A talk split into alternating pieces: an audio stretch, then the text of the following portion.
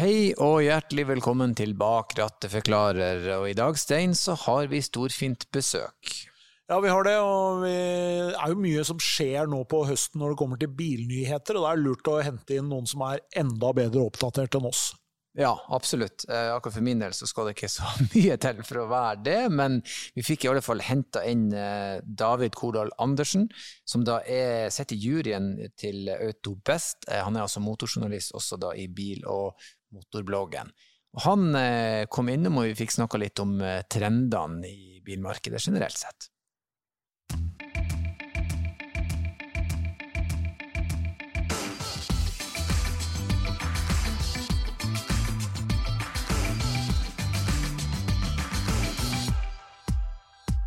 Og der var vi på plass eh, i studio, og velkommen David Kordal Andersen.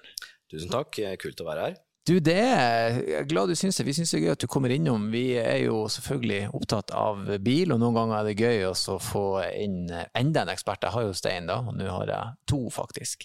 Og vi skal snakke litt om eh, trender og nyheter innenfor bilmarkedet, og litt om de endringene som korona har bydd på, Stein. Ja, helt klart. Og David driver jo det som heter bil- og motorbloggen.no, og i tillegg så er han jo jurymedlem i Autobest. Hva er det for noe, David?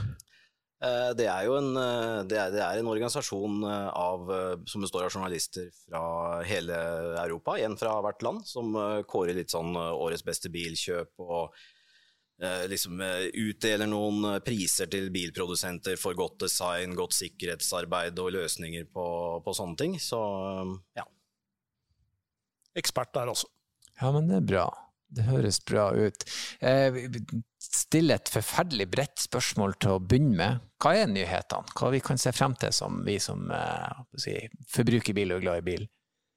Nei, altså det har jo skjedd eh, Det, det som er litt uh, spesielt med hele 2021, er jo at ikke sant, det er, på elbil, da, hvis vi snakker elbil, som er det som er veldig interessant for mange i Norge nå, så, så har det jo kommet uh, Tidligere har det jo vært litt mindre biler som har vært rimeligere, men ikke, ikke store nok til å, å liksom kunne ha plass til hele familien. Og så har du hatt disse litt dyrere store SUV-ene, som kanskje har vært fra premiemerker og kosta litt mer. Men nå, nå, i år så har jo for første gang det kommet uh, en del sånne typiske familie-SUV-er uh, til rundt en halv million, elektriske, som, som uh, liksom oppfyller alle kravene en familie har. Da. Det er bagasjeplass, tilhengervekt, firehjulstrekk, og fra på en måte ikke premiummerker, sånn at de har en pris som er sånn vanlige familier ofte kjøper bil i. Så det er liksom den store nyheten som gjelder både fram til nå og videre utover høsten, at det kommer flere sånne. Mm.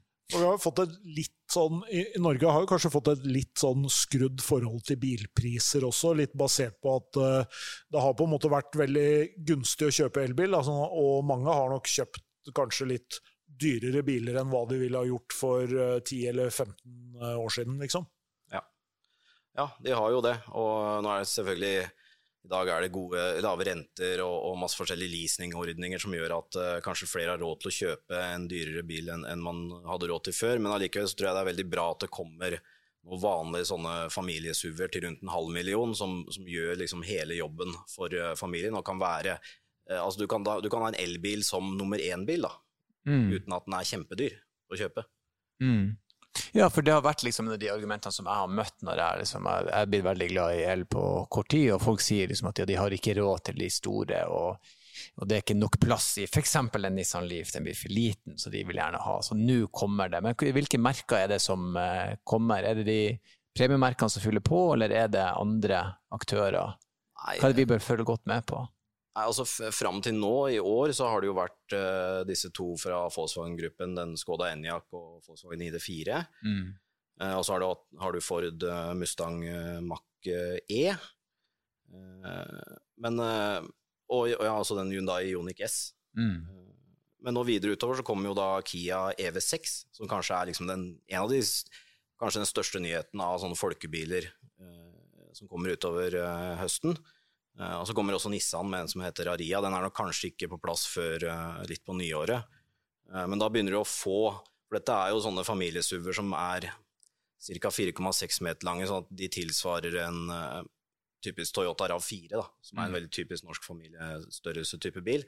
Alle de bilene jeg nevnte nå, er liksom på den størrelsen. De har bagasjerom på mellom 500 og 600 liter, som er sånn vanlig stasjonsvogntype bagasjerom. Og firehjulstrekk, og de kan jo trekke opp til 1600 kg tilhenger, f.eks. Mm. Og, der er det jo, og det er jo kanskje sånn at nå kommer eh, dette her med, med hengefeste er jo spesielt viktig i Norge. Da. Det får vi ofte tilbakemelding fra når vi, når vi snakker med fabrikkene. Så, så, er det jo litt sånn at eh, ja, hvorfor i all verden kan vi ikke få hengefeste, liksom? Og da er jo tilbakemeldingen at det er to, tre eller fem markeder i verden liksom, hvor det faktisk er så viktig. Altså, Norge er jo et, eh, et, et, et veldig spesielt, men sånn som Ionic 5 og, og og den nye EV6-en er jo eksempler på, på sånne biler da, som også har decent uh, hengevekt. Ja, Det virker som en sånn hellig treenighet for norske bilførere. Det er firehjulstrekk, SUV og hengefeste. Ja. Hvis de ikke har det, så er det bare å glemme det. For det, det må vi ha når vi skal ut og uh, kjøre. Eh, jeg syns jo eh, litt interessant å se at det kommer andre biler enn familiebiler også på en måte innenfor el. Vi, de, de, de, mindre bilene har jo vært der hele tida. Men nå kan man liksom eh, få en sedan eh, i el, og det er jo kommet en GT og liksom sportsbiler i el og sånne ting. Så alt tyder jo på at el er på tur full fart eh, inn. Er det noe vi kan lese ut ifra nyhetene og trendene som, som forsterker den teorien? Så ja, det er jo det. fordi jeg, jeg tror fram til nå har bilprodusentene Det har vært viktig for de å utvikle eh, elektriske biler som er sånn volummodeller, så at de kan begynne å få ut ganske mange av de, ikke sant. Mm. Eh, men nå begynner de å komme litt i rute med det, med med sånn type crossover SUV, som er dagens volummodeller. Og da kan de jo da gå over på å kanskje fokusere litt mer på typisk sånne litt mer entusiastisk uh, orienterte biler, som er kanskje litt lavere og sportsligere. Eh, og da er det jo BMW I4 blant annet, som er den store nyheten i, i høst. Mm. Som, som, jo kommer, kommer, i to uh, forskjellige utgaver, uh, men opp til uh, ja, fire over ja, husker jeg ikke hvor mange hestekrefter det var i den, men den er i hvert fall like rask som, som en M3, den topputgaven av I4 fra 0 til 100. Ja, såpass, ja. Så, så det er virkelig Ja. Det er jo også noe som jeg syns er interessant med de her elbilene, de, og det gjelder jo egentlig alle eh, merkene fra Hyundai til Mercedes. Altså det er vanvittige ytelser hvis vi sammenligner med for bare ja, fem til åtte år siden. Så får du ikke i nærheten av en familiebil med de ytelsene. Tror du vi vil se noen konsekvenser av det? Ja, altså Men én ting er at eh, bilene er veldig raske fra 0 til 100 som veldig mange elbiler er. Mm. Men, men, noe annet er det jo på en måte å ha den sportslige følelsen og det dynamiske og litt sånne ting. Og jeg tror at uh, Ikke sant eh, Det er jo grenser for hvor langt den konkurransen om 0 til 100 skal gå. Skal det være 1,8-1,9 ja. sekunder, liksom? Det er liksom bare en liten del av det. Men det som er kult nå, er at det kommer det er jo egentlig kjøreegenskapene ellers og kjørefølelsen som er viktig, sånn som i Porsche Taycan og Audi e-tron GT. Eh, som sånn, I det lange perspektiv, da, hvis du er glad i å kjøre bil og ta den ut på en svingete vei og ha det moro, så er det jo det som er eh, det som egentlig er viktig, og ikke om man gjør 0 til 100 på 1,9 eller 2,8 eller 3,2, for alt er jo kjempefort allikevel. Ja, det, det, er ekstremt fort. Og så er det klart at Man er jo i ferd med, i hvert fall i Norge, da, å få en slags litt mer normalisering, da, litt tilbake hvor, eh, hvor, varemerkestyrke og ikke minst uh, hva den bilen du kjøper, altså hva det utstråler, på en måte, sosial status, hva du ønsker å vise med bilen din, kommer mer tilbake der det var for uh, en del år tilbake. Fordi nå har vi vært igjennom en veldig lang periode hvor man på en måte nesten utelukkende har snakket om rekkevidde til en viss grad litt uh, hastighet, men batteristørrelser. Og man har liksom i mindre grad egentlig brydd seg Det er veldig mange som har kjøpt bilmerker nå som de ellers aldri ville ha kjøpt og parkert utenfor garasjen sin, ja. Ja. Eh, fordi at de har hatt noen egenskaper som har vært unike for, for den, knytta til at det har vært en elbil. Mm. Eh, så der vil vi nok se at det snur litt tilbake, men samtidig så har det jo ikke noe tvil om at vi har hatt en stor endring i bilmarkedet, som vi kanskje hadde når de, først kanskje når de japanske bilene kom på markedet, så de koreanske. Nå har vi jo på en måte en, en gjeng med kinesiske bilmerker også, som kommer til å forandre styrkeforholdet i markedet, tror du ikke det? Jo, sikkert. Det er jo veldig spennende å se de kinesiske bilene, hvordan de, de klarer å, å, gjøre det.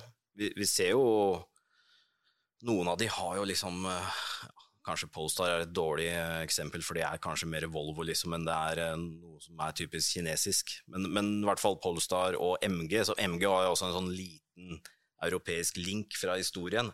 Uh, men de er jo egentlig kinesiske, og, men det ser jo ikke ut altså De selger jo kjempegodt i Norge, begge to. Mm. Og nå, nå, kommer det jo flere forskjellige nye andre merker også. Jeg skal om ikke litt senere i dag faktisk prøvekjøre den nye Byd Tang, som er en sånn familiesuv til rundt 600 eh, 000 med firehjulstrekk og sånn. Så at uh, de etablerte europeiske og japanske og sørkoreanske får jo konkurranse fra, fra Kina. Det blir jo en test da, eh, på, på hvor, eh, hvor, bra både si, eh, forhandlernett, importører og ikke minst varemerket faktisk er, da, når du står i en situasjon hvor du skal velge mellom et ukjent bilmerke og et kjent bilmerke, et bilmerke som du har et, et forhold til. Så er det klart at i hvert fall i en overgangsfase så må jo disse ukjente eh, bilmerkene overprestere, enten på pris eller på ytelser eller på service eller på et eller annet. Det blir jo litt som man skal, hvis man skal inn og konkurrere mot, uh, mot Apple på telefonmarkedet. eller noe sånt. Det, det, krever jo, mm. det, krever jo, at man går inn med noe. Man ser jo, ser jo Samsung som på en måte var et uh, Kom jo inn som et rimelig alternativ, mens i dag så er det jo helt på samme nivå som, uh, ja. som en iPhone, liksom. Så det, det, det, vil nok uh, Så det blir spennende å se. Det er forskjell på ting som koster 15 000 og ting som koster 600 000 også. Mm. Men jeg syns det var interessant å se eh, sånn som Hyundai, som har vært litt sånn eh, Det har ikke vært forbundet med enorm status å ha, men eh, når de kom med elbilene sine, så var det plutselig en, enormt mye Hyundai ute og spore. Og blant folk som jeg aldri hadde trodd kom til å kjøre Hyundai, men som siden jeg var el, og de fylte et behov der som ikke noen andre aktører var i, så spredde de seg ut. da. Ja, og de har jo gjort det, det kan jo David sikkert si mer om, men både Kia og, og Hyundai har jo henta folk fra de store europeiske produsentene for å på en måte eh, egentlig eh, både ta igjen og konkurrere på, på lik linje med. Mm. Ja, jeg mener hvis du tar Kia som eksempel, så er jo de eh de er jo veldig opptatt av å Altså, de har jo store vekstambisjoner over hele verden, og, og liksom gjør alle tiltakene som skal til på, liksom på alle fronter, da, for å klare å nå det målet. Alt fra å hente inn Albert Biermann, som tidligere var visepresident på BMW M, til å ta hånd om uh, oppsett av, av kjøreegenskaper og chassis og sånn på bilene, ikke sant? Mm. og lage sportslige biler med stor bensinmotor og sånne ting, til nå som den nye EV6-en som kommer straks, som har en sånn såkalt dedikert elbilplattform, som betyr at den er liksom utvikla kun for å lage eh, elbiler på, og ikke kunne lage fossile eller ladbare hybrider. Mm. Det er også forresten litt av liksom den trenden nå i år med alle disse familiebilene. det er At de fleste kommer på sånne dedikerte plattformer, som betyr at de har F.eks. har jo Kian et 800 volts eh, ladesystem som gjør at den kan lade lynraskt. Det er jo snakk om kanskje å lade på 10 mil hvert femte minutt på hurtiglader. Mm. Uh, og de får også da når du, når du, ikke konstruerer bilen for å ha plass til en bensinmotor og en bensintank, og sånn, men bare har et flatt batteri i hele gulvet, så er jo eh, plassforholdene innvendig også bedre i forhold til utvendig størrelse. Eh, store, fine bakseter og, og masse bra sånne ting. Det som er, er jo ikke den største eksperten, er mer sånn han forbruker. Jeg syns det er interessant med Kia, for Kia for 20 år siden var en sånn ja, det er mye bil for pengene, mens nå er det blitt sånn Kia er en feit bil. Så det var, det var, Her får du mye for pengene, men nå er det en, en, bil, liksom. Så de har uten tvil bygd troverdighet eh, de siste årene og ser jævla fin ut, rett og slett. Så er jo spørsmålet også litt hvor lenge tror du på en måte at uh, biler da, som kan designes uten å ta hensyn til at du skal ha en motor foran og du skal ha det bak, liksom hvor, når begynner man virkelig å utnytte de fordelene som en sånn type dedikert elbilplattform har. da. Hvis motoren sitter i hjula, og batteriet sitter i gulvet, hvorfor skal du da ha et, eh, et, et panser foran, liksom? Mm. Nei, Det kan du jo si. Det er nok uh, på en side litt vanskelig å, å endre sånn kjempemye på karosseriform utvendig og sånn, da, fordi at, litt på grunn av at det er veldig sånn strenge kollisjonssikkerhetsregler og sånn for å få typegodkjenting og masse sånt. Eh, men det er litt spennende å se. Det er alltid spennende å se hvilke som klarer å, å utnytte det mer enn andre til nye løsninger. Men samtidig sånn typisk sånn eh, Det åpner seg alltid mulighet for å ha et bagasjerom foran, såkalt eh, frunk, ikke sant. Mm. Som er veldig kjekt å ha ladekabler i og sånn, men det er jo mange av de nye dedikerte elbilene som er utvikla bare for å være elbiler, som ikke har det. Produsentene sier at vi trenger den plassen til å putte alle, de, alle styringsenheter og elektriske komponenter og sånne ting, så, så da velger vi å droppe det bagasjerommet foran, for da putter vi alt det dit, og så kan vi heller ha mer plass bakover. Men det er jo masse forskjellige løsninger på det her, og det er det som er litt spennende å se de neste åra, om det er noen som kan finne opp kruttet på nytt i litt flere omganger. Men hva skjer eh, hvis vi, hvis vi ser liksom litt til sida for de rene elbilene, som selvfølgelig er absolutt mest aktuelle for Norge, men det er vel fortsatt ganske mange markeder hvor eh, fossil- og i hvert fall hybridbiler er eh, aktuelle? Ja, absolutt. Og i Norge også er det vel eh, sikkert aktuelt med i hvert fall ladbare hybrider i en, stund til. Så der også er det jo, hvis man ser litt på de nyhetene som kommer utover høsten som ikke er rene elbiler, så har du jo bl.a. Mercedes C-klasse, som kanskje er en av de aller største. Med Mercedes har jo vært kjempegode på, på ladbare hybrider de siste åra. Mye større batterikapasitet enn mange andre. Og den, eh, hvis ikke jeg tar feil, så skal den ha 25, over 25 kWt batteri. Og det er jo uh, i ladbar versjon, ikke sant. Og det er jo større batteri enn en Nissan Leaf hadde for noen år siden. Mm. Uh, så den vil jo få rekkevidde på 100 km. Da får du plutselig en hybrid med et, der, der holdt på å si, eh, rekkevidden ikke bare er et alibi, men et reelt alternativ når du skal bruke den til bykjøring og korte turer, og på de lengre turene bruke motoren. For det er det jeg opplever når jeg diskuterer med folk hybrider, at ja, men det er ikke noe rekkevidde i den, men nå får du jo faktisk det. da. Veldig fint å ha litt mer enn en tre mil, i hvert fall. Ja. Uh, så du kan gjøre den daglige kjøringa elektrisk. Pluss at du kan Skal du kjøre en langtur på 30-40 mil, så er det klart totalforbruket blir mye lavere om, om 10 istedenfor to av de milene går på strøm. Mm. Tror, tror, dere noen gang vi kommer til å slutte å snakke om rekkevidde? På samme måte en flatskjerm bare ble en TV. Kommer vi til å Og hvor er grensene? For nå eh, er ikke det EQS som har over 70 mil, eller er antatt og skal ha det. Eh, og da har vi plutselig mye rekkevidde. Jeg lurer på når den grensa i sanda vi, vi skal ut, og folk bare aksepterer at det er en bil. Jeg vet ikke. Jeg tror, uh, smart du nevnte EQS, det også er jo en kjempestor nyhet i høst. 780 km ja. rekkevidde. Mm. Og det er klart, i hvert fall sånn jeg bruker en bil, så jeg, det er sjelden jeg kjører mer enn 78 mil om dagen, liksom. Ja, uten å stoppe, liksom? Ja. jeg Så- må 78 mil den veien. Ja, men jeg, jeg opplever egentlig ikke noe, vi, altså sånn i det daglige, om, om du har en bil som går eh, 35 eller mer mil, rekkevidde er ikke et tema i det hele tatt, sånn i det vanlige. Og selv jeg bor jo i Hedmark og kjører jo 15 mil fram og tilbake til Oslo veldig ofte. Mm. Men selv de litt rimeligere bilene, sånn som Peugeot 2008 som står ved siden av oss her, den eh, Jeg kan jo kjøre fram og tilbake til Oslo uten å lade i det hele tatt. Mm.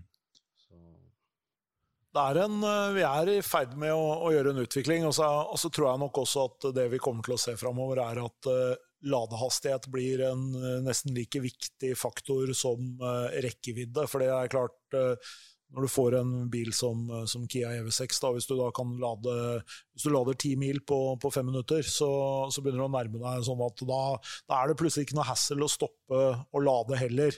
Fordi da, når du har da kommet til eh, når du er på Rena, liksom, hvis du da skal til Trondheim, så kan du stå i et kvarter og lade, og så har du, kan du kjøre til Trondheim og alt du trenger å kjøre i Trondheim i tillegg til det. Mm. Så vi har nok litt der. Og så har vi jo sett det vi jo har sett på fossilbiler i, liksom i, vår, i vår levetid, er jo at man har effektivisert ganske mye. Så jeg tenker at eh, det vil vi jo også se på elektriske biler. Vi vil jo få mer effektive elektriske biler, høyere tetthet, energitetthet i batterier osv., som vil gjøre at denne utviklingen kommer jo til å fortsette. Vi er jo ganske tidlig i elbilutviklingen foreløpig, på en måte. ja, absolutt. Hvis du sammenligner med, med hvor lang tid det tok å utvikle fossilbiler fra starten av, så er det ah, ja. bare starten. Ikke? Jeg tror vi vil se helt utrolige ting de neste åra, så det blir kjempespennende Ja. å følge med. bare innenfor få år. Ja, det er ingen tvil om at de som vurderer elbil, eh, markedet begynner å bli eh, er mer enn godt nok utrusta til å møte behovene. Eh, vi syns det var bra du kunne komme innom og snakke om akkurat det her med oss. Vi skal ha flere episoder med deg, David, heldigvis. Og hvis folk har spørsmål til akkurat det vi har snakket om, så må de gjerne sende oss en e-post. Så eh, takk for at du stakk innom, og eh, takk for lytten til lytterne.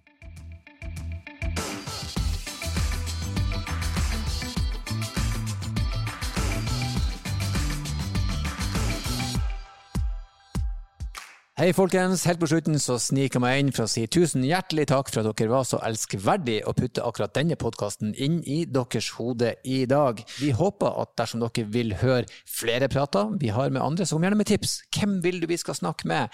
Hvem vil du vi skal snakke om? Og ikke minst, hvis du har spørsmål som vi kan bruke, eller vil vi skal løse for deg, så send det til bakrattet.bos.no. Det var bakrattet bos.no. Tusen hjertelig takk, og som alltid, kjør forsiktig.